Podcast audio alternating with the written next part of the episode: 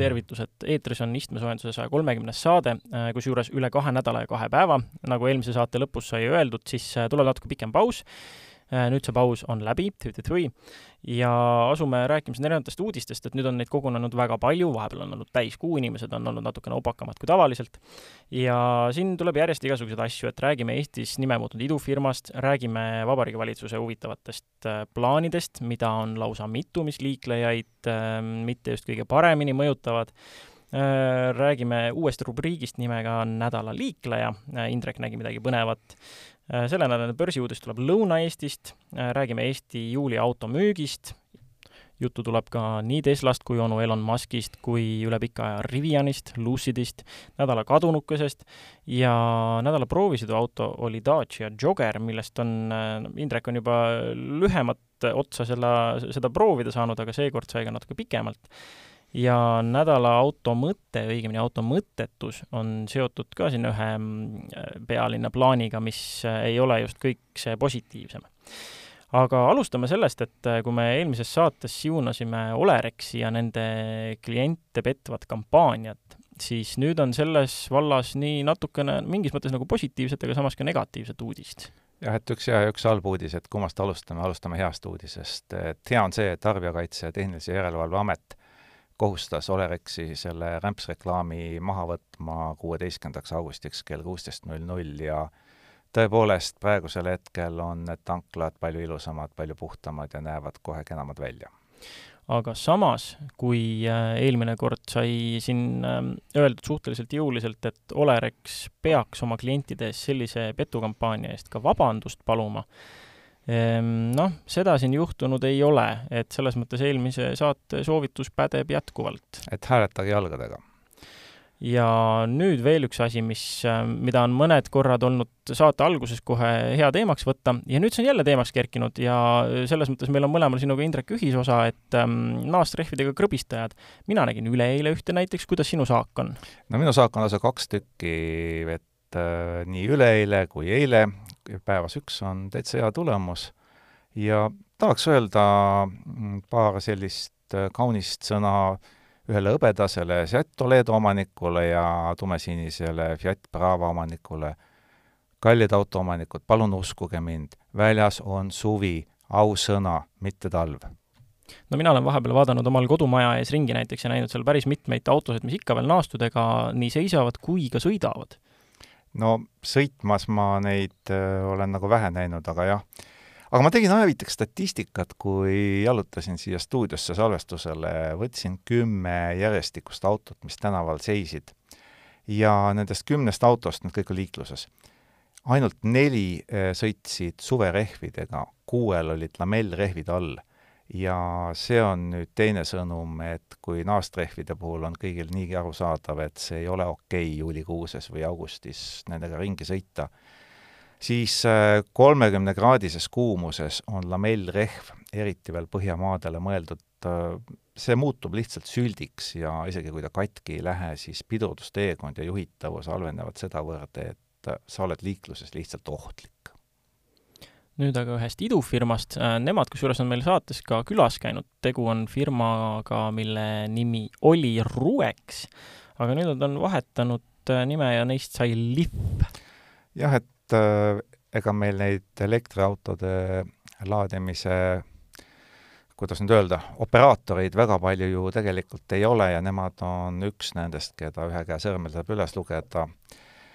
ja oli Ruex äh, küllaltki vähe laadijaid, nüüd nad on avanud uued laadijad Tallinnas, lisaks tahavad neid teha Tartusse juurde, Narva, Rakvere, Vändrasse, no tõsi, need viimased ei ole küll veel töökorras, aga kui meil järgmine särtsukas testi tuleb, siis proovime kõik need uued laadijad kindlasti ära ja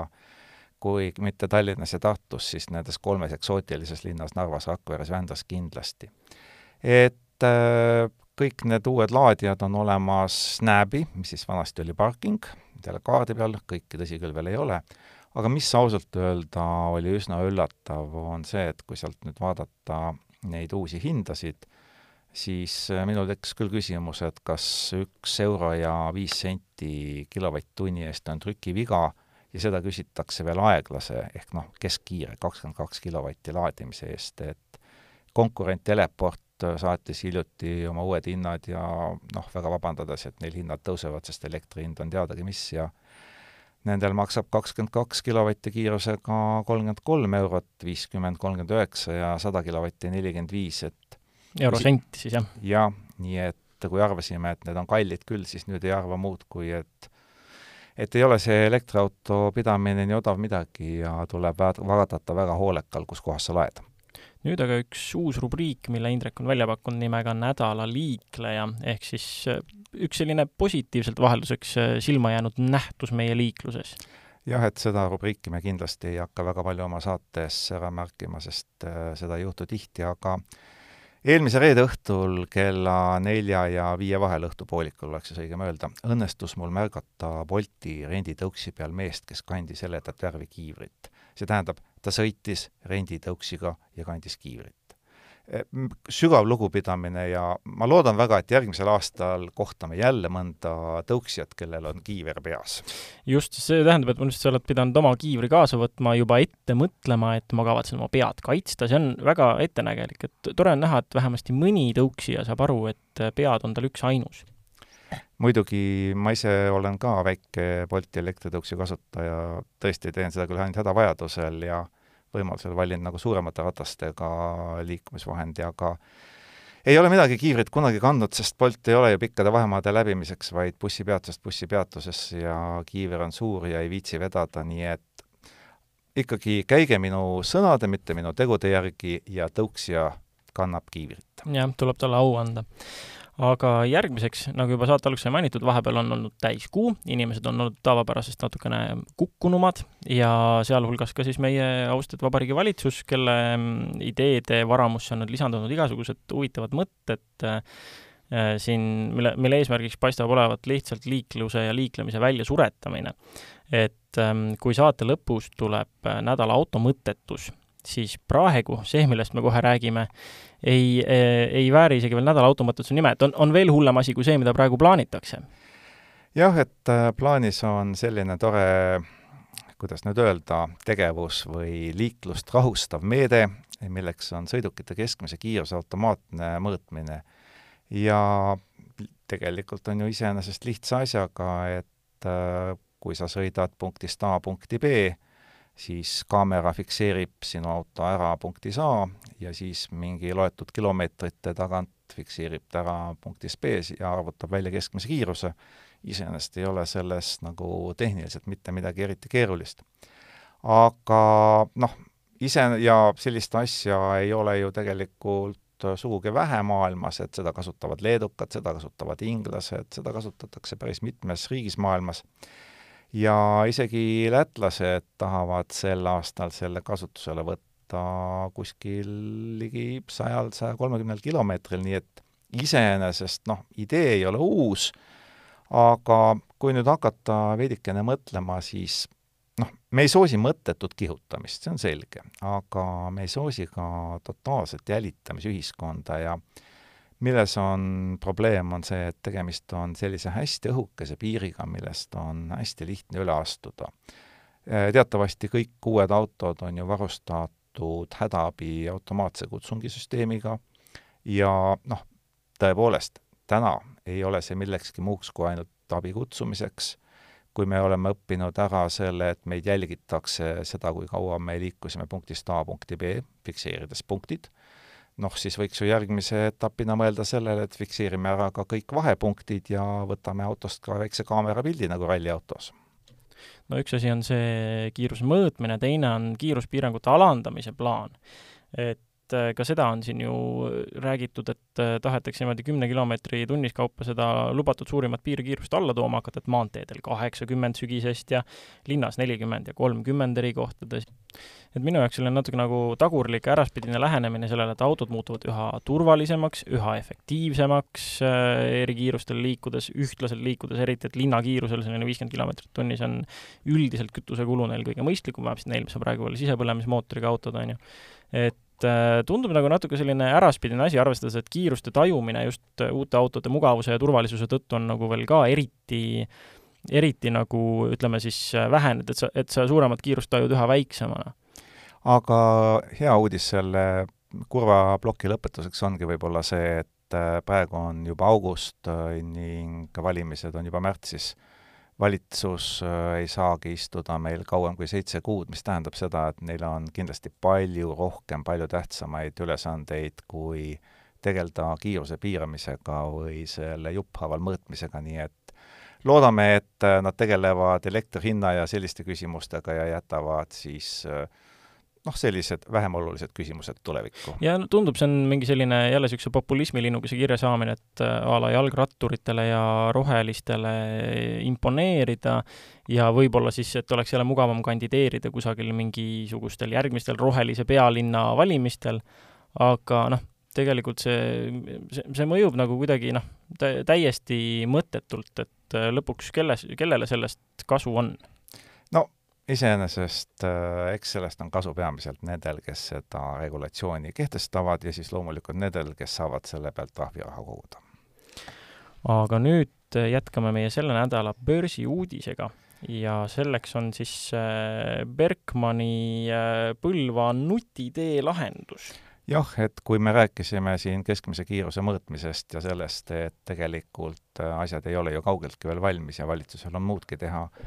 siis äh, Põlva on selline väga tubli linnakene, kus äh, korraldati uhke hange, tõsi küll, esimene hange kukkus läbi, nüüd see oli kordushange,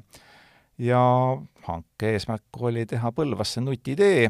äh, sinna tuleb siis neliteist nutikat ülekäigurada, kellele Berkmani nimi on pisut võõras, siis tegemist on ettevõttega, kes tegelebki selliste vahvate nutikate ülekäiguradade loomisega peamiselt aga siis, et asi oleks äh, ilus, tehakse Põlvasse Keske jaama tänavale siis neliteist nutikat ülekäigurada ja ühtlasi ka kahe koma viie kilomeetrine keskmise kiiruse mõõtmise võimekusega teelõik üha nutikamaks läheb, on ju, see muidu, see nutika ülekäiguraja mõte, kui ma õigesti mäletan, on lihtsalt see, et kui inimene läheneb, siis seal lähevad tuled põlema ja mingid hoiatused ja kas inimest, on ju, hoiatab vist läheneva auto eest, mis seal kõik veel on? just täpselt, et seal on erinevad võimalused, aga noh, kindlasti on see liiklusohutuse mõistes parem, mis näie, noh, teeb selle jalakäija ülekäigurajal paremini nähtavaks ja jalakäijale auto paremini nähtavaks, nii et iseenesest on tore asi ja põlvakad on väga ettenägelikud, et teeme siis kohe keskmise kiiruse mõõtmise ka ära. aga räägime natuke ka juulikuu automüügist, mille numbrid on nüüd avalikustatud ja teada. juulikuus müüdi kokku tuhat viissada kuuskümmend üheksa uut sõiduautot ja eelmise aasta juuliga võrreldes automüük langes üle kolmekümne protsendi, kolmkümmend kaks koma üks et äh, see on nüüd juba päris kõva kukkumine ja ega sellist äh, kukkumist ei olegi pikka aega olnud, et kui me võrdleme nüüd automüüginumbreid juulis kaheksateistkümnendal aastal ehk siis viis aastat tagasi läks kaubaks kaks tuhat kakssada viiskümmend seitse autot, üheksateistkümnendal aastal läks paremini, kõige paremini kaks tuhat viissada nelikümmend kolm, siis tuli koroona, kaks tuhat viiskümmend seitse, kahekümnendal aastal see kõige suurem koroonaõnnetus, eelmisel aastal paremini, kaks tuhat kolmsada kuusteist, ehk siis tegelikult isegi üle kaheksateistkümnenda aasta numbri, ja siis nüüd täielik äh, pauguga kokkukukkumine, tuhat viissada seitsekümmend seitse autot võtta, et see ei ole nagu üleüldse mingi eriti hea number. ja noh, ütleme, uudisena on ta selles suhtes muidugi üsna tõsine, et inimesed on hakanud vaatama, kas auto vahetamine on praegusel hetkel kõige mõistlikum või kannataks vanaga sõita, et ilmselt prioriteete on, on, on teisigi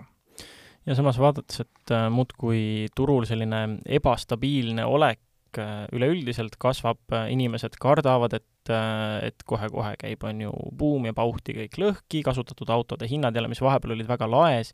hakkavad vaikselt maha jahtuma, et see, see tundub jah, et inimesed on palju ettevaatlikumad selles osas, et mida nad peavad ja mida nad ei pea kulutama, et sama nagu meil on selle mm, kütuse tarbimisega, mis on siin kukkunud ja inimesed teevad mõistlikumaid ja kaalutletumad, kaalutletumaid otsuseid, et siis äh, tundub, et ka oma tarbimis, äh, tarbimisharjumusi siin korrigeeritakse ka autode osas. et siin, siin on muidugi jälle see, et kui, kui siin ähm, eelmise, kui me, kui me rääkisime juuni automüügist, siis oli ju ka see pealkirjaks hea uudis, on ju, et kukkus hullult, aga seal oli mitme sellise huvitava teguri kokkulangemine, et mitte ei olnud see juunikuu müük väga kehva, vaid oli enne seda maikuu müük oli ebatavaliselt kõrge. et noh, nüüd meil on pigem nagu tarneahela probleemid siin, mis siin ka rolli mängivad veel. no tarneahel on üks asi kahtlemata ja teine asi, mis üha rohkem hakkab mõjutama, on see, et tarbija hakkab lihtsalt tagant ära kukkuma, et inimeste kindlus on vähene aga kui vaadata nüüd natuke nende numbrite sisse, mis selle pooleteist tuhande hulgas on, siis äh, sellest loomulikult hübriidautode hulk järjest kasvab, äh, nelisada kaheksakümmend kolm hübriidi läks kaubaks, mis on siis tegelikult üle veerandi, et seda on päris suur hulk. Noh, ja hübriidid viitavad seda, et kes meil seal tipus troonib, jätkuvalt Toyota, ei mingeid üllatusi? ei mingeid üllatusi, viiskümmend üks elektriautot, mis on, võiks juba lugeda teatud üllatuseks, et päris positiivselt suur number. Aga mis äh, meile nagu esmapilgul tundub suure üllatusena, on see, et kaubaks läks kakskümmend viis gaasiautot, CNG gaasiautot. seesama CNG, mille hinnad on hinnad on ikka väga, jah. väga kosmilised, äh, üks pruugitud auto võeti ka arvele. Ja see, millest ei ole nagu siiamaani uudistest läbi käinud, on see, et nendele kahekümne viiele sõiduautole, mis CNG-d tarbivad, äh, võeti arvele ka kakskümmend neli suurt Äh, CNG-l töötavat bussi, mis tähendab omakorda seda, et nagu me juba eelmises saates ütlesime, meie kaastunne Tallinna linnavalitsusele. jah, pole ime, et seda suure kella külge panna väga ei taheta, et see on jälle see, mille lõppkokkuvõttes äh, maksab äh,, maksab tarbija oma või maksab äh, elanik oma maksudega kinni, et see, see ettenägematus, et see CNG sellise hüppe teeb, aga sinna ei olegi midagi teha, kõik see olukord on kütuseturul väga volatiilne aga gaasi juurest võiks minna hoopiski Volkswagenite juurde. ja seal on, noh, kvartali tulemustes pole küll midagi üllatavat, aga nädala kadunuke võib äh, isegi natukene niisugune, ütleme, see on küll spekulatiivse maiguga, aga võib rääkida ikka. et äh, Volkswageni operatsioonide juht äh, Thomas Schäfer, inglise keeles kirjutatakse seda nime küll valesti, Schafferiks ja hääldatakse ka valesti ta ütles Saksa väljaandele Die Welt, et äh, sel ajal, kui nad töötasid muudetud Golf kaheksa kallale, ei olnud siis uue auto nimesilt veel teada, ütles väga konkreetselt välja ka nüüd seda, et kaheteist kuu jooksul ehk siis ühe aasta jooksul saame rohkem teada. ja ta ütleb niimoodi, et äh, me ei oska küll praegu veel öelda, kas äh, kujutame ette tulevikku ilma Golfita või mitte, aga et müüginumbrid hakkavad seda otsustama ja äh, ta ütles väga põhimõttelise seisukoha välja selles intervjuus, et ikoonilised mudelid on ettevõtte edu jaoks hädavajalikud ja nad tahavad seda Volkswageni brändi uuesti särama panna ja selleks on vaja põhimudeleid, mis töötavad väga hästi, et sellised mudelid olid omal ajal Põrnikas või Beetle, nagu teda teatakse ingliskeelse järgi, või Golf, mis on olnud ikoon mitu-mitukümmend aastat, ta võib meile meeldida, ta võib mitte, aga ta müüb nagu mühin, ta võidab kõik Saksamaa testid ja noh, ta see... pani oma autoklassile isegi nime lõppkokkuvõttes. jah, ta on autoklassile loo nimel andnud auto, mida tegelikult teistes autoklassides meil ei ole nagu ühelegi ette näidata, et see ja. on sõna otseses mõttes ikoon ja ja selles suhtes on Volkswagenil ikka väga suur julgus, kui võtta Golf tootmisest maha lihtsalt sellepärast, et nüüd aitab küll, et kas ID3 annab siis elektriautode klassile nime või? noh, ütleme jah, et see, see nimi küll niimoodi äh, keele pealt mugavalt äh, maha ei rullu nagu golf, aga noh, äh, siin kusagil istmesoojenduse umbes kas viiekümnenda, kuuekümnenda saate paiku oli ka juttu, et golf ja Passat võivad kaduda minevikku nimedena, et nüüd siis on see asi natukene konkreetsem, et toona see oli veel spekulatsioon, spekulatsioon, nüüd on see asi natuke, natuke juba konkreetsem, et vähemasti on teada, et varsti saabub selgus. jah, see on ainuke asi, mis on selge, sest siiamaani on kogu aeg öeldud, et golf äh, läheb ajalukku, praegune kaheksas põlvkond jääb viimaseks ja asemele tulevad ainult ID punkt erinevad autod et äh, väga hea on kuulda, et sellised mõistlikud mõtted on, aga samas muidugi Schäferil on ka suuremaid muresid kui tema menuki nimi, sellepärast et ta ütleb, et et äh, me võime küll paar aastat veel müüa golfi, toota golfi ja me võime isegi uut golfi välja tootada, välja töötada, aga arvestame sellega, et meil tuleb äh, umbes kahe tuhande kahekümne kuuenda aasta paiku uued heitmenormid, mis on siis koondnimetusega Euro seitse ja sakslaste arvestuste kohaselt siis sisepõlemismootoriga autod muutuvad umbes kolm tuhat kuni viis tuhat eurot lihtsalt selle võrra kallimaks. Ja kui arvestada, et äh, noh, suurele luksuslimusiinile võib need äh, hinnad vaikselt noh, hinna sisse selle lisakulu ära peita siis äh, väikese autoga on see keeruline noh, ja ta viib elektriautole jälle nii palju lähemale, on ju, ja see argument jälle sisepõlemismootoriga auto kasuks nagu kaob või taandub. jah, aga mitte elektriautod ei muutu odavamaks, vaid kogu Just, aeg muutuvad kallimaks sisepõlemismootoriga autod ja mis on ka selge, et sellist kümne tuhande eurost alghinda, et noh, meenutame kunagi Dacia rääkis viie tuhande eurosest äh, sisenemisest, see oli hästi ammu,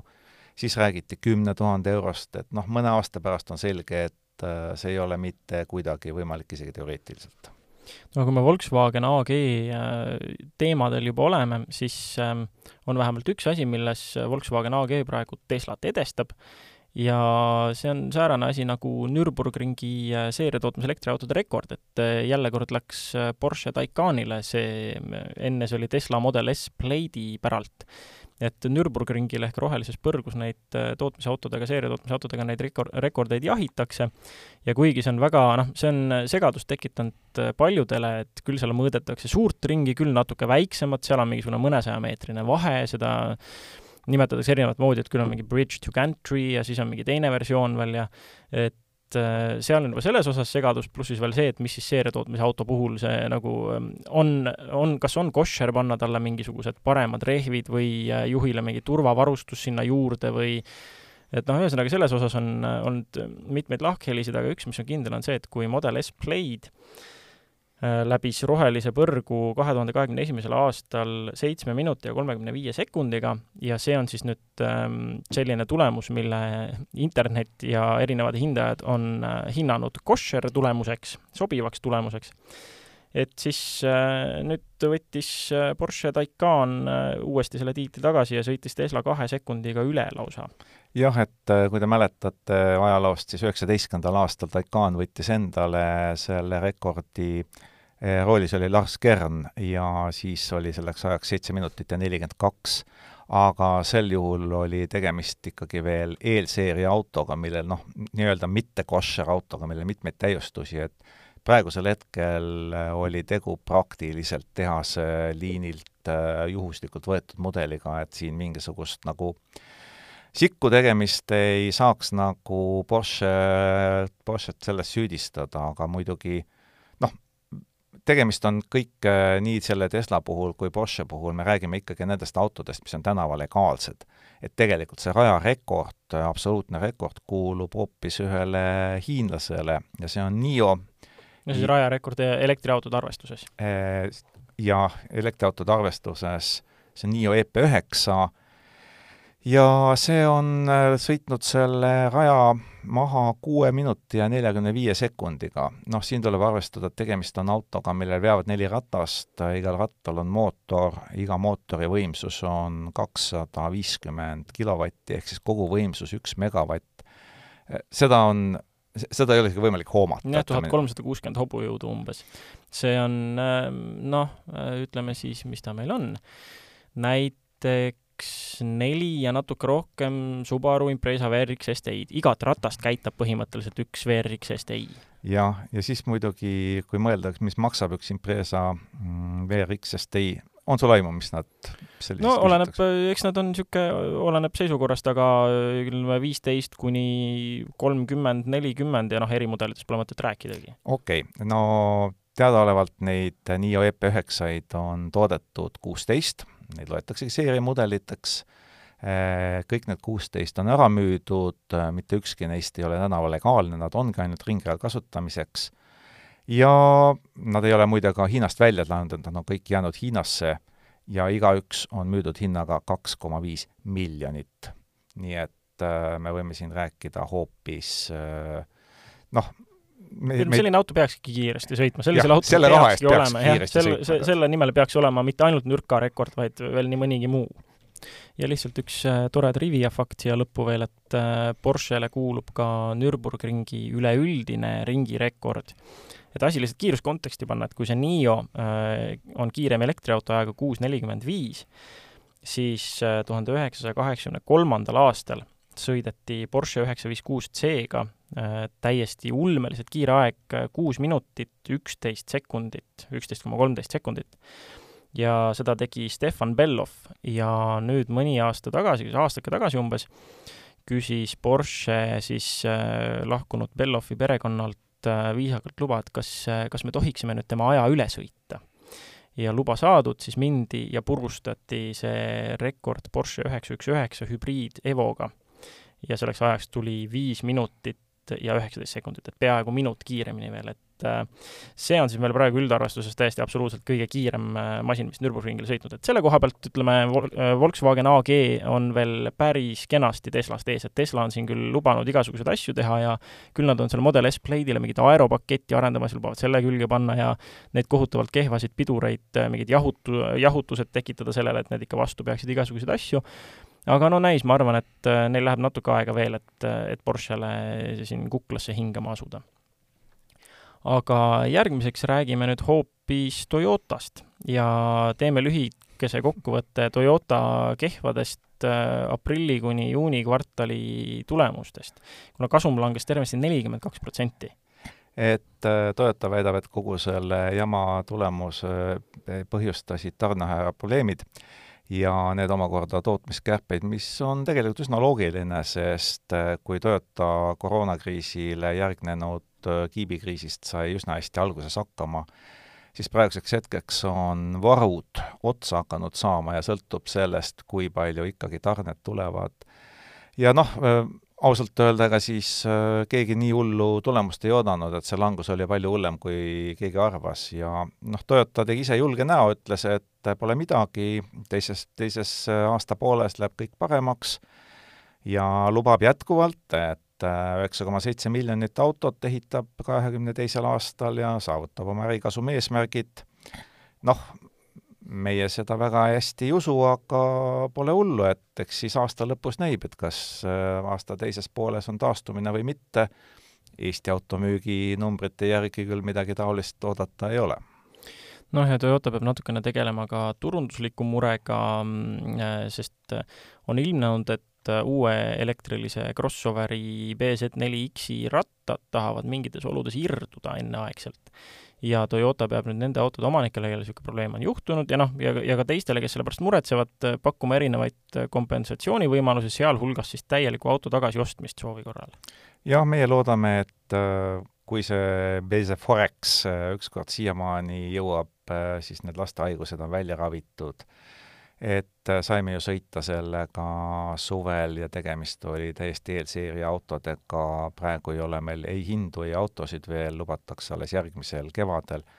aga noh, tundub, et äh, tootjast sõltumata soodsaid, kvaliteetseid elektriautosid, kõiki häid asju kokku panna ei ole siiamaani veel õnnestunud. no rääkimata siin, noh, tootjast sõltumata ja isegi Mercedese viimane S-klass ju äh, Äh, pistis rinda sellise väikse lastehaigusega, et kui ma nüüd õigesti, ma ei mäleta, kas see oli äh, rooli ots vist, mis kippus murduma ja jälle põhjustas seda, et äh, ratas võis ka mingi koormuse all enneaegselt irduda, seal ühesõnaga mingisugune kinnitus, mitte päris käänmik, aga kusagilt sealtkandist kippus järele andma ja tule-, see, tegu oli ka siis äh, ühe tarnija praagiga lihtsalt, et äh, mingisugused vale tugevusega detailid olid läinud ja noh, nii ta läks ja Mercedes võttis ja kirjutas siis need vahetused endale kuludesse. ometi ei saa rääkida, et tegu oleks odava autoga. jah, absoluutselt aga Toyotaga seoses, Toyotal ja BMW-l on üks koostöös üks hea uudis ja see ei ole Supra ega Z4 et see uudis on esialgu küll väga-väga eeluudis ja napp, aga üsna uhke, et BMW kavatseb hakata täiesti masstootma ja müüma koos Toyotaga välja toodetud äh, vesinikkütusel töötavaid autosid. Ja BMW on käinud välja selles osas väga ambitsioonika tähtaja, et see, need autod on müügis kahe tuhande kahekümne viiendal aastal, kolm aastat ainult. kolme aasta pärast äh, vesinikkütusega BMW, no Äh, kõik sõltub sellest, kas need tehnoloogiad suudavad äh, ellu jääda või massidesse minna, et ennustama ei hakka, aga hoiame pöialt BMW-le selles mõttes, et kui me meenutame BMW koostööd Toyotaga sisepõlemismootorite valdkonnas, siis tulemus ei teinud nagu kummalegi osapoolele au, et ehk vesinikuga läheb paremini oot-oot-oot, millistest mootoritest sa siin räägid, ega ometi mitte B viiekümne kaheksast? ma räägin vanadest äh, ühe koma kuue liitristest bensiinimootoritest, mida pandi ka Peugeot'dele selle programmi raames, võimalik, et kuhugi veel, mida turunduslikult õnnestus väga hästi müüa, et et äh, nendel Toyotadel on nüüd äh, BMW mootorid, aga mis pärast mõneaastast ekspluatatsiooni tegid nii omanikele kui müüjatele palju peavalu. okei okay,, no mul, mul langes selles mõttes kivi sügavalt südamelt, et ma korra juba mõtlesin, mis asja, et sest äh, B viiskümmend kaheksa, mis siis Suprasse ja Z4 läks, on, ja noh, selle edasiarendus S viiskümmend kaheksa on teatavasti fenomenaalselt hea mootor, moodsa aja kõige parem rida kuus. ei seda mitte seda, seda mitte. aga läheme vahelduseks hoopiski Fordide juurde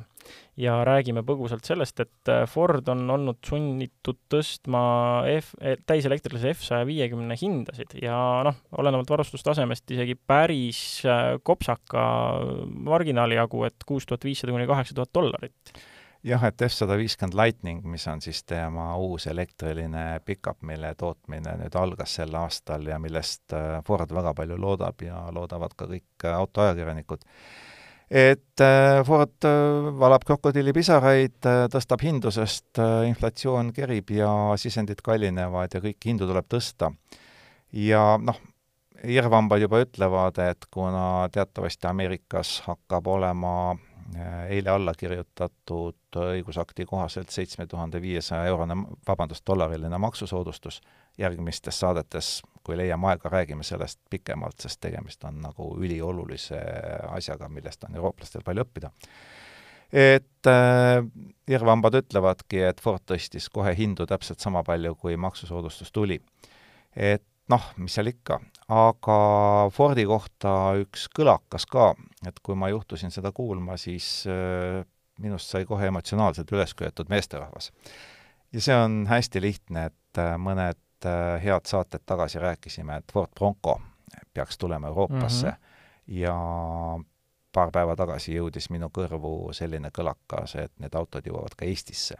ja arvestades meie kogemusi sel aastal nüüd uue Exploreriga, mis on väga okei okay auto, siis Bronco jõudmine Euroopa turule ja kui seda ka Eestisse tuleb, on väga-väga äge asi. nüüd aga võtame ette need äh, elektriautotootjad, kellest pole pikalt juttu olnud, räägime, räägime Lucidist ja räägime Rivianist, kes vahepeal oli meie saates iga, igasaatene külaline. noh, päris iga saade ei jõua nüüd nendest rääkida, aga Lucidist natukene küll, et äh, seda, et tootmine on raske, seda teab Rivian, seda teab Lucid ja Lucid teatavasti on ju kallite, kiirete ja väga-väga pika sõiduulatusega elektriautode kohta tootja. Ja Lucid äh, prognoosis eelmisel aastal, et tänavu toodetakse kakskümmend tuhat autot ja antakse need klientidele üle, märtsis lubasid nad toota siis kaksteist kuni neliteist tuhat, ehk siis võtsid oma prognoosi kolmandiku alla. Ja nüüd siis äh, võtsid jälle prognoosi alla, et sel aastal toodetakse kuskil kuus-seitse tuhat autot. Ja üldse on nad poole aastaga suutnud valmis saada ainult tuhat nelisada viis. Ja noh, kuna onu Elon teab väga hästi, kui keeruline on tegelikult autosid toota, no meenutame seda aega, kui ta pidi lausa oma tehases sees magama, et äh, liinid käima saaks noh, siis Elon kasutas juhust ja säutsus Twitteris selle Lucidi kvartali tulemuste vastuseks, et mul oli teises kvartalis rohkem lapsi, kui nemad autosid tegid. ja kui juba Riviani sai mainitud, siis äh, lühike kommentaar ka Riviani tulemustele, et nemadki on jätkuvalt maas oma plaanidega toota aasta lõpuks seda, mis nad aasta alguses välja lubasid, äh, samas ütlevad nad, et nende kulutused saavad olema aasta teises pooles suuremad kui lubatud, nii et äh, aktsiahind on selle peale ka pisut allapoole kolistanud. aga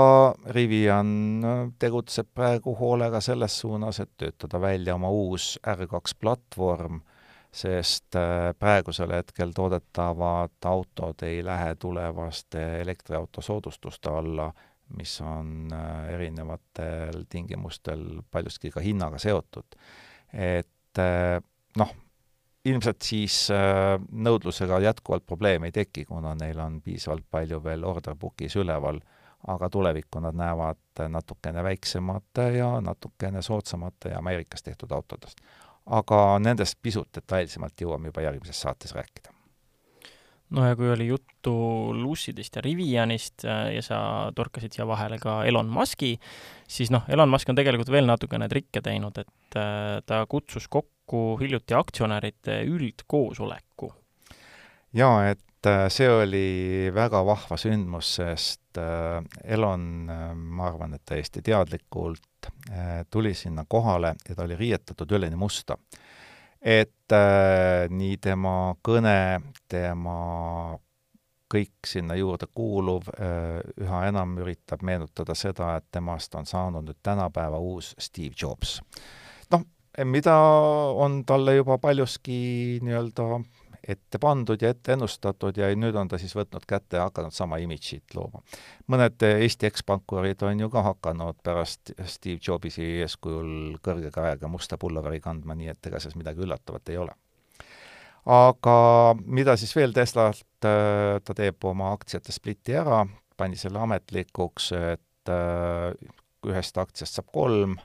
ja see juhtub aktsiadividendi vormis, kahekümne neljandal augustil on vana number ja siis uute aktsiatega hakkab kauplemine kahekümne viiendal augustil. Äh, mida veel siis Musk teatas, teatas seda, et Tesla esitab oma eesmärkide saavutamiseks kümme kuni kaksteist gigatehast, praegu on tal neli suurt tehast, ja ta lubas, et iga nendest tehastest hakkab äh, tootma aastas kuskil üks koma viis kuni kaks miljonit autot kui me need nüüd kõik läbi korrutame, siis see tähendab seda, et Tesla kavatseb saavutada tootmisvõimsuseks kuskil kakskümmend, kakskümmend viis jah, isegi kuni, kuni kolmkümmend oleneb, kui ta võtab siin jah, kõik maksimumid, maksimumul ka tehaseid, need oleks siis kuusteist tükki kokku ja kaks miljonit ühikut äh, per kärss, et kui ta suudaks seda hoida, siis tõesti, see, see oleks ikkagi juba metsik kogus Teslasid, mis siia siin välja vooriks. Äh, kuhu see esimene uus gigatehas tulema peaks, seda ei ole veel välja öeldud, aga spekuleeritakse, et see võib tulla Kanadasse ja noh äh,, nagu Volkswagen Golfi kadumise kohta öeldi, siis ka siin on sama asi, et kaheteist kuu jooksul saavad teada ja natukene uudiseid ka Cybertrucki kohta, me oleme ikkagi päris mitu korda saates siunanud, et muudkui lükatakse edasi, mis, kes see need Muski lubadused kokku suudab lugeda, mis ta nüüd siis lubas? no ta lubas Cybertrucki hinda tõsta, et noh, selle lubaduse ta no, seda täidab. vist, jah, seda ta vist suudab täita, et vahelduseks ta võib-olla, ma arvan, mees ise ka vaatas, et ma olen natuke liiga palju katteta lubadusi andnud, et nüüd võiks nagu vahelduseks midagi teha, midagi, midagi ka päriselt ära teha. jah, ja ütles, et äh, Cybertrucki hinnad äh, noh, ava-, avalikustati üheksateistkümnendal aastal, ja siis oli broneering üheksakümmend üheksa dollarit ja ta ütles, et nüüd on väga palju muutunud ja tehnilised andmed on muutunud ja talle üldse ei meeldi rääkida selliseid halbu uudiseid, aga noh, et ei olnud võimalik kuidagi ette näha, et nii halvasti läheb ja eks tal on väga kahju klientidest, aga midagi ei ole teha, tuleb hindu tõsta. no ikkagi äriettevõte, kasumit tuleb teenida, pole midagi teha. aga samas tegi Elon ka ühe positiivse liigutuse ja see puudutab Starlinki et Starlink äh, teatas nüüd vahepeal, et nende teenus on Eestis kasutamiseks täiesti saadaval ja nad hakkavad nüüd ka Eestis pakkuma internetti satelliitside põhiselt, ehk et lõpuks ometi jõuab äh, internet ka sinna, kuhu mobiilne internet või kaabel ei nõua ja kodulehel on kaart ja näitab, et täitsa Eesti on toetatud riikide hulgas ja kodulehelt tuleb siis tellida omale vastuvõtja, noh, hinnad on muidugi soolased no,. just tahakski küsida, et see, see et kõlab nagu kenasti, aga mis ta nüüd selle eest siis koorib? no ta küsib vastuvõtja enda eest seitsesada eurot, äh, siis lisaks küsib ta teenuse eest kuutasu sada viisteist eurot, äh, kiirust lubab noh, selle eest kakssada viiskümmend mega no iseenesest ju täitsa korralik kiirus, arvestades seda, et see on in the middle of nowhere ja nii et äh, aga sellesama vastuvõtja kohale jõudmine võib võtta kuni kuus kuud aega, et noh, eks tal ole ka tarneprobleemid. ja, ja miskipärast ei tööta veel Elonil see kõigi aadressidega, mis Eestis on, nii et noh, lootus on, et asi läheb paremaks. no aga samas see hind, eks seda põhjendab ka see, et Starlinkil on neid satelliite meeletutes kogustes orbiidil noh, kaks tuhat seitsesada tükki ja eks neid tuleb kogu aeg juurde, nii et äh, lootus on, et nii kvaliteet kui, kui kiirused peaksid satelliitide arvuga suurenema, sest noh, kliendid on samal ajal üsna palju kurtnud, et äh, Elon laieneb nagu Starlinkis liiga kiiresti, et äh, teenuse kvaliteet ei tule järgi sellele, mis nagu laienemiskiirus on, aga noh, eks need ole sellised kiiresti areneva ettevõtte paratamatud probleemid. jah, no ja kiiresti laieneb ka nii Eloni rikkus kui ka mõjuvõim, et noh, ta on siin igasugust segadust teinud Twitteri ostuga, mitteostuga ja kogu selle lahinguga seoses, ja nüüd noh, pluss siis see, et ta oma konkurentidele ja kõigile teistele aeg-ajalt puid laob, see on ka juba tavapärane nähtus aga lisaks ta nüüd jälle näidanud, mis mõjuvõim tal on, kui äh, postitas ühe naljatviidi. Jah, et äh, kui siiamaani on jutud olnud veel sellised suhteliselt tõsised või siis vähemasti katteta lubadused, siis sedakorda tegi ta internetis ikka täieliku kaose segaduse, et me salvestame neljapäeval, siis kaks päeva tagasi, teisipäeva hilisõhtul teatas, et äh, ostab Manchester Unitedi jalgpalliklubi. et tweet oli suhteliselt lühike, et also I m buying Manchester United, you are welcome. Ja arvestades, et Elonil on praegu umbes sada kolmkümmend miljonit follower'i, kes teda hoolega iga tema sõna jälgivad, siis äh, noh äh, spekulante on palju, kes kohe selle peale tegutsevad. kahtlemata ja ajakirjanikud avaldasid kohe mitu uudisteartiklit selle kohta ja siis lõpuks kuskil tund või natuke rohkem Musk äh, tweetis, et tegelikult oli see kõik nali, et et see oli Twitteris pikaajaline nali, et ma ei osta ühtegi spordimeeskonda ja noh, Manchester Unitedi pressiesindajal ei olnud midagi muud öelda, et ta ei kommenteeri kuulujutte ega spekulatsioone no,. ma arvan, et nagu väga kurvad ei, ei pidanud olema, sest et Manchester United on ka aktsiaturul ja nende aktsia äh, jäi kolmapäeva seisuga ehk eilse seisuga kolme protsendiga täitsa plussi eelnevaga võrreldes. jah, et äh, any publicity is good publicity ja kui juba maailma rikkaim mees sinu vastu huvi tunneb, siis on lootust, et ilmselt äh, võib selle taga midagi enamatki olla kui tühipaljas kuulujutt ja noh, lihtsalt, et äh, aru saada, et mis siis see Manchester Unitedi väärtus on, neli koma kuus miljardit dollarit. kui, kui mitu Twitterit? üks kümnendik, väga väike. No üks kümnendik, äh, ütleme, sellise keskmise eestlase arvates päris auto hinnast maksab ka meie selle saate proovisõiduauto ja see on Dacia Jogger. ja sel korral sa said äh, noh, pikemalt Äh, põgusalt said sõita talvel, aga nüüd said ka pikemalt tutvuda, et Dacia Jogger on meil ju viie kuni seitsmekohaline mahtur, siis ütleme ta kohta. ta on põhimõtteliselt kõige odavam selline saadaolev auto üldsegi turul, kus sul ongi seitse kohta ja noh, MPV ehk siis mahtur et äh, jah, et hakkamegi sellest pihta, et mis loom see Jogger on. Jogger ei ole mitte midagi muud kui suurema kerega või siis ütleme, universaalkerega Sandero, Sandero Stepway. et Sanderost, Sandero Stepwayst oleme rääkinud, oleme kirjutanud ja seda on ka meie tänavatel, teedel päris palju liikvel. ja Jogger on siis nüüd tema pikendatud kerega variant, mis tähendab seda, et sinna on võimalik panna kuni seitse istekohta ja selles viimases kolmandas reas, nendel kahel istmes on äh, täismehel täiesti okei okay olla, et Riiga sõidaks Tallinnast ära küll. nii, noh, mida see mahtur meile veel lisab, kindlasti pagasiruumi äh, mõõtmeid, mahtu, mis pagasiruumiga toimub? no pagasiruumiga toimub see, et äh, Dacia ise ütleb, et see maht on kuussada seitse liitrit, see on siis, äh, kui nad on ilusti kokku klapitud, ja maksimumi saab sealt äh, kätte tuhat kaheksasada üheksateist ehk siis peaaegu kaks kuupmeetrit no räägin oma praktilisest kogemusest äh, lisaks nendele ametlikele numbritele. Seitse kohta tähendab seda, et sul on tegelikult selle viimase istmerea taga no paned ära arvutikoti, spordikoti ja mitte enamat. ehk et see ruum on tegelikult üsna piiratud. ja siis, kui sa igapäevaselt tegelikult ju kolme istmerida reeglina meist äh, enamus ei vaja, mis ma tegin, esimese nädala ma võtsin lihtsalt ja klappisin kuskil teisel-kolmandal päeval need tagumised istmed kokku, et mul oleks natukene rohkem ruumi ja saaks äh, sinna panna kõik, mis süda igatseb ja seda ma tegin. Äh, kokku klapitud tagumised istmed äh, tähendavad seda, et sul on selline täiesti korralik universaalkerega auto. ja siis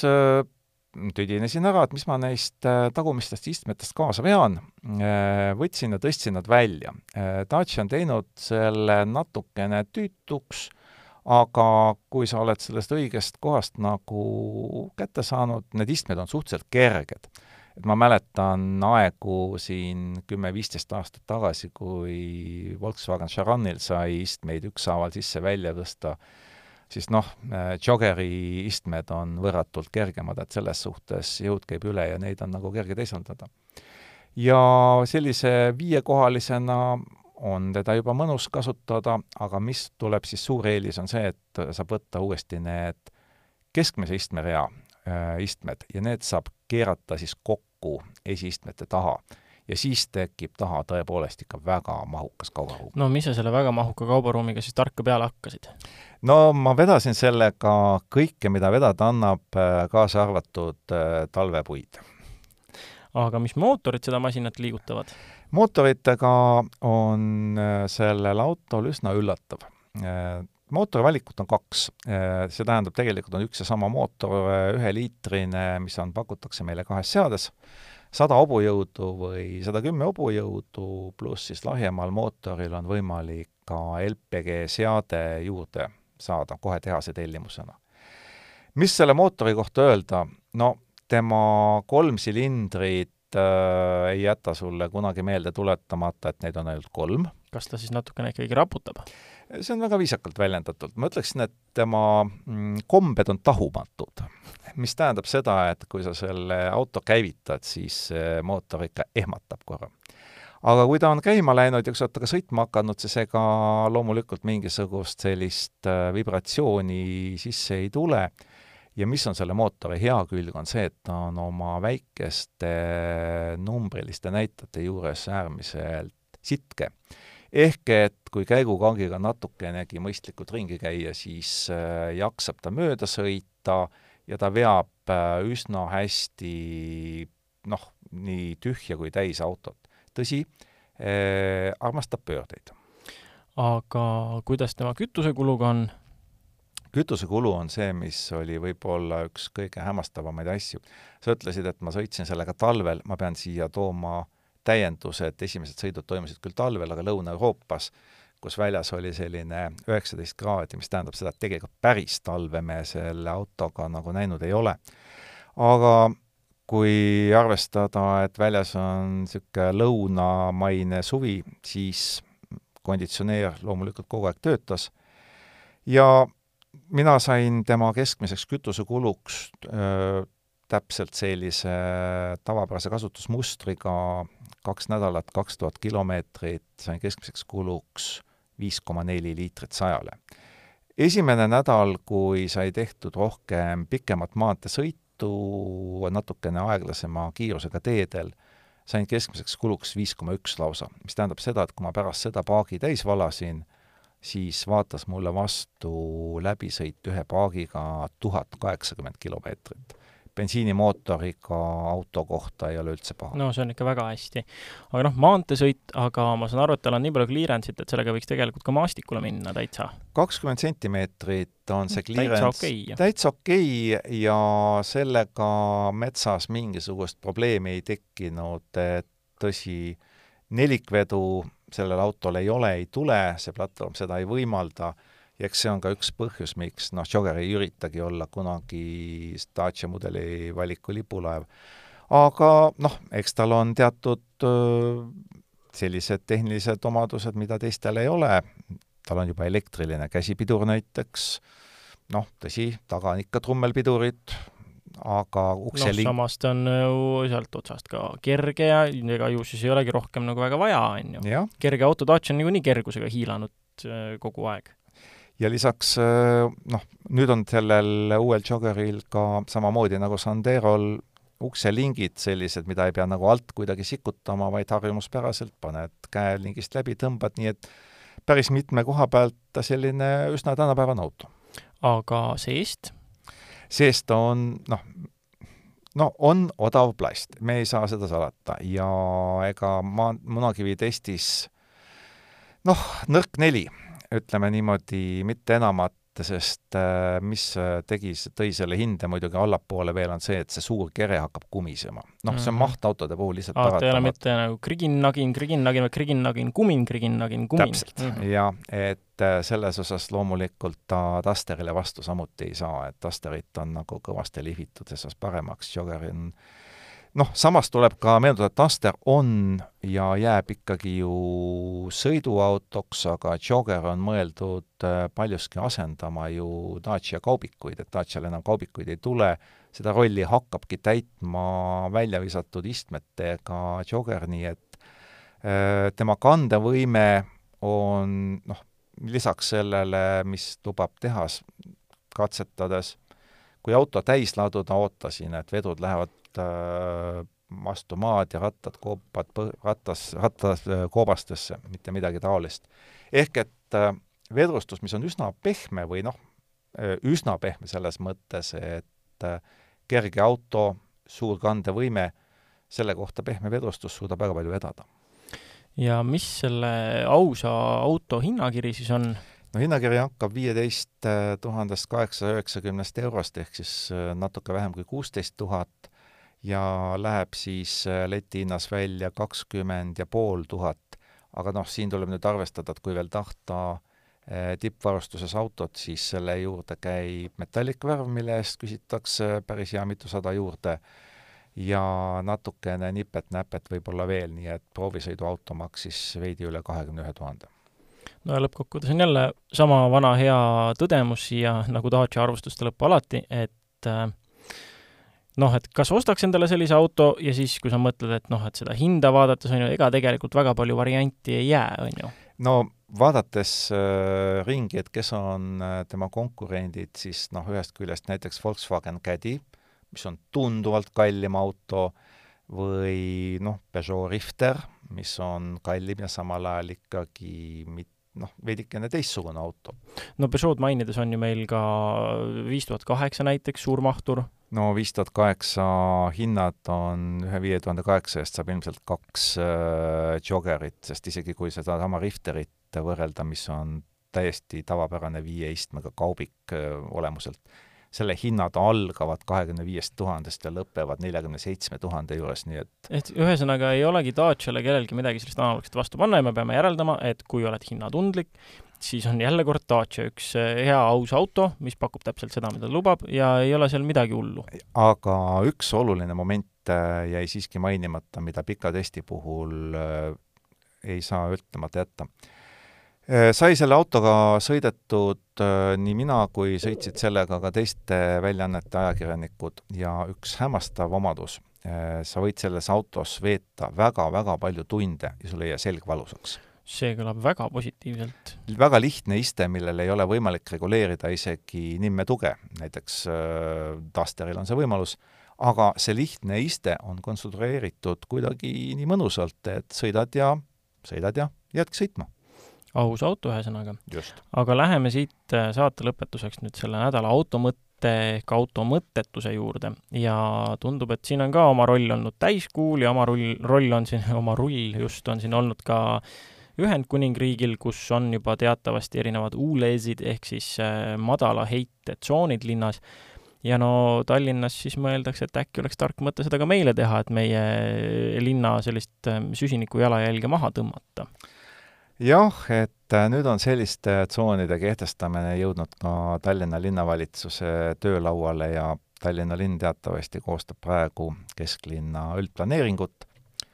selle esmane eskiis saab valmis järgmise aasta kevadel, nii et aega ei ole üldse palju jäänud ja Riigikogu valimised seda protsessi kindlasti ei mõjuta. aga nüüd on kirss tordil, et Veli, mul on sulle küsimus. kui vana on see auto, millega sa täna salvestusele tulid? No täna ma tulin MR2-ga ja see on kakskümmend üks aastat vana auto. vot nii.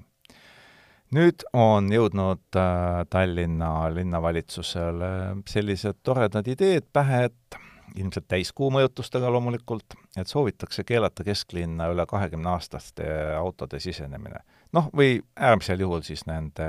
täiendav maksustamine saab juhtuma, nii et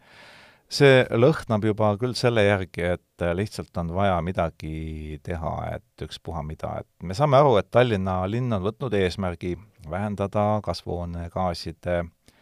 kogust neljakümne protsendi võrra ja äh, lugupeetud abilinnapea ongi nüüd üritanud mõelda, et kuidas see on võimalik ja no aga juhtub ikka see, mis tihti juhtub siis, kui äh, autokauged inimesed hakkavad ajama autoasja. no ütleme niimoodi, et kui ühe lausega nüüd kõik need suurepärased ideed kokku võtta, siis äh, tsiteerides klassikuid, et sellist jama on erakordselt raske kommenteerida. ja see juhtub ikka, kui noh, on, ollakse lollusega relvastatud ja väga ohtlik me ei saa öelda üldse, et see neljakümne protsendi eesmärgi saavutamiseks oleks äh, vähe mõtteid laual, neid mõtteid on nii linna kui riigi tasandil äh, kümnetes, aga loomulikult need mõtted on kas väheefektiivsed või kallid või siis tähendavad järgmistel valimistel hävingut. noh, ja siis äh, täiskuu mõjutustel üritatakse poolvehmete rumalustega midagi saavutada. et noh, võimalik muidugi, et seda ala ei tule, sest äh, tegelikult igasugune praktiline vajadus Tallinnas selle ala järgi puudub. noh, esiteks me elame ühe kõige puhtama õhuga pealinnas üleüldse, et see on meie õnn, kuna Tallinn on lihtsalt mere ääres ja künka otsas selles võtmes. aga kuni liikluskorraldust pääsevad kureerima autovihkajad, siis ei ole sealt mitte midagi head oodata, nii et äh, ootame õudusega, mis sealt siis järgmise täiskuu ajal tuleb. jah, sest äh, kõige nõmedam ongi see, et kui see ka teoks ei saa, siis idee on ikkagi välja käidud, nüüd vaadatakse, kuidas rahvas sellesse suhtub ja kui, äh, kui mingisugune äh, hetkel äh, olulise kaalukusega rahva hulk otsustab, et seda kõlab täitsa mingi mõtte moodi ju, siis küll see käiakse välja ka mingi järgmine kord ja sellisel juhul ei ole väga kaugel see asi sellest, et, et reaalsuseks saada, seega ma arvan, et siin, siin on see koht, kus, kus juba tehakse ja kus tegelikult peaks tegema ka märgatavalt häält selle üle, et äh, see, kuulge, ei ole tegelikult kõige mõistlikum lahendus oma eesmärkide saavutamiseks. Jah, et internetis on juba irvitatud selle üle, et miks nii tagasihoidlikult, et võtame kohe ette emissiooniklassid, et alla euro viis või euro kuus autosid üldse ei lase ja siis järgmisena võiks ju kohe üldse sisepõlemismootoriga autod ära keelata, et saaks õhu puhtaks ja CO2 heitme ka alla. noh, ja Londoni näitel, mida selline uulesitamine siis põhjustab, üldiselt äh, nendes piirkondades igasugune ettevõtlus sureb välja, ettevõtted ise, äh, igasugused teenused muutuvad väga kalliks et kõik need, kes pakuvad mingisuguseid kaubavedusid näiteks seal piirkonnas, ähm, kõikide teenus läheb lihtsalt kõvasti kallimaks, sest et peab toimetama kas näiteks äh, kallite elektrikaubikutega, mis tähendavad äh, tihtipeale ka tööpäeva peale nende juhtidele rohkem töötunde. ühesõnaga, ilgelt ebamugavaks ja kulukaks on tehtud see teenuste pakkumine, kauba vedamine ja lõpuks me saavutame olukorra, kus äh, need jalgrattaga sõitvad hipsterid ei saagi oma vegan muffinit kusagil järada ja kui jalgratastest juba jutt läks, siis mõnes järgmises saates saame ka võtta ette selle, et kui hästi siis Tallinn oma jalgrattateede tegemisega hakkama saanud, äh, isiklik kogemus siiani ütleb, et teed, mis on vahepeal laiad, äh, lõpevad ei kuskil ja algavad ei kusagilt, nii et vaesed jalgratturid. aga sel korral tänan, et kuulasite, see oli istmesoojenduse saade järjekorranumbriga sada kolmkümmend, minu vastas oli autoajakirjanik Indrek Jakobson ja mina olen jätkuvalt autoajakirjanik Veli Rajasaar, aitäh! Kuulmiseni!